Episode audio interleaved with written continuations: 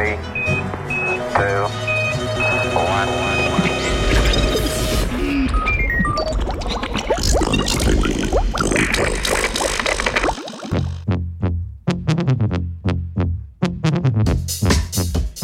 Nevrološka sestavljanka odvisnosti. Znanstvenicam in znanstvenikom z oddelka za neuroznanost medicinske fakultete na Univerzi v Ženevi je uspelo odkriti del nevrološkega ozadja pri kompulzivnem uživanju drog. Delali so na laboratorijskih miših, ki je najuporabnejši sesavski model za preučevanje človeških bolezni.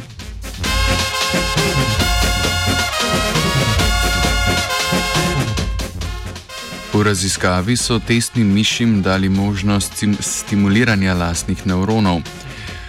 V notranjost možganov so jim usadili optični kabel, ob pritisku na ročico so miši sprožile laser, ki je stimuliral nevrone, da so sproščali več dopamina. Dopamin je žilčni prenašalec, ki ima pomembno vlogo pri uravnavanju pozitivnih občutkov pri sistemu nagrajevanja. Posledično je upleten tudi v nastanek odvisnosti zaradi povečanja količine dopamina v nekaterih predeljih možganov.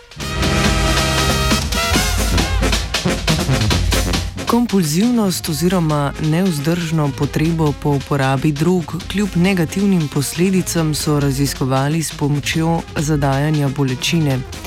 Po stiskanju ročic, s katerimi so samo stimulirale nevrone, so miši dobile v tačke električni šok. Ugotovili so, da je približno polovica testiranih miši zaradi bolečine samo stimulacijo močno zmanjšala druga polovica pa je z njo še naprej ustrajala.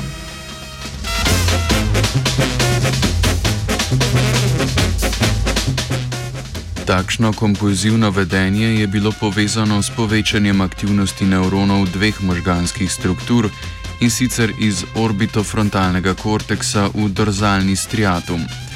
Orbitofrontalni korteks se nahaja v čelnem režnju in je vključen v miselne procese pri odločanju. Dorzalni striatum pa se nahaja v notranjosti možganov in predstavlja del skupka nevronov, pomembnega pri motoričnih sposobnostih in nagrajevanju. Povečanje prenosa dopamina iz orbitofrontalnega korteksa v dorzalni striatum je torej povezano z okrepitvijo kompulzivnega vedenja, ki ga lahko opazimo pri stanju odvisnosti. Drugi del raziskave je vključeval spodbujanje in zaviranje delovanja stičišč med dvema nevronoma, ki jim pravimo sinapse. Rezultati spodbujanja delovanja sinaps so pokazali, da je skupina miši, ki je v začetnem delu raziskave zmanjšala samostimulacijo, pričela z bolj kompulzivno samostimulacijo. Zaviranje delovanja sinaps miši, ki so prej samostimulacijo ustrajale, pa je imelo obraten učinek. Prepoznavanje takšnih prilagoditev nevronskih vezi, ki so značilne za pozno fazo odvisnosti, je pomembno za boljše razumevanje tega duševnega stanja.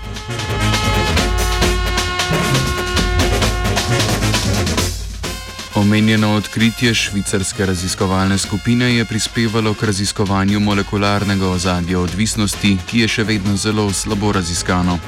Z več znanja o nevrološkem ozadju odvisnosti bi namreč lahko prispevali k izboljšanju terapevtskih metod za njeno zdravljenje.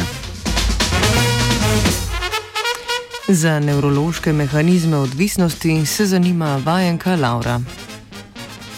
Boshkanët jo pere detergent Se kliqe radio student.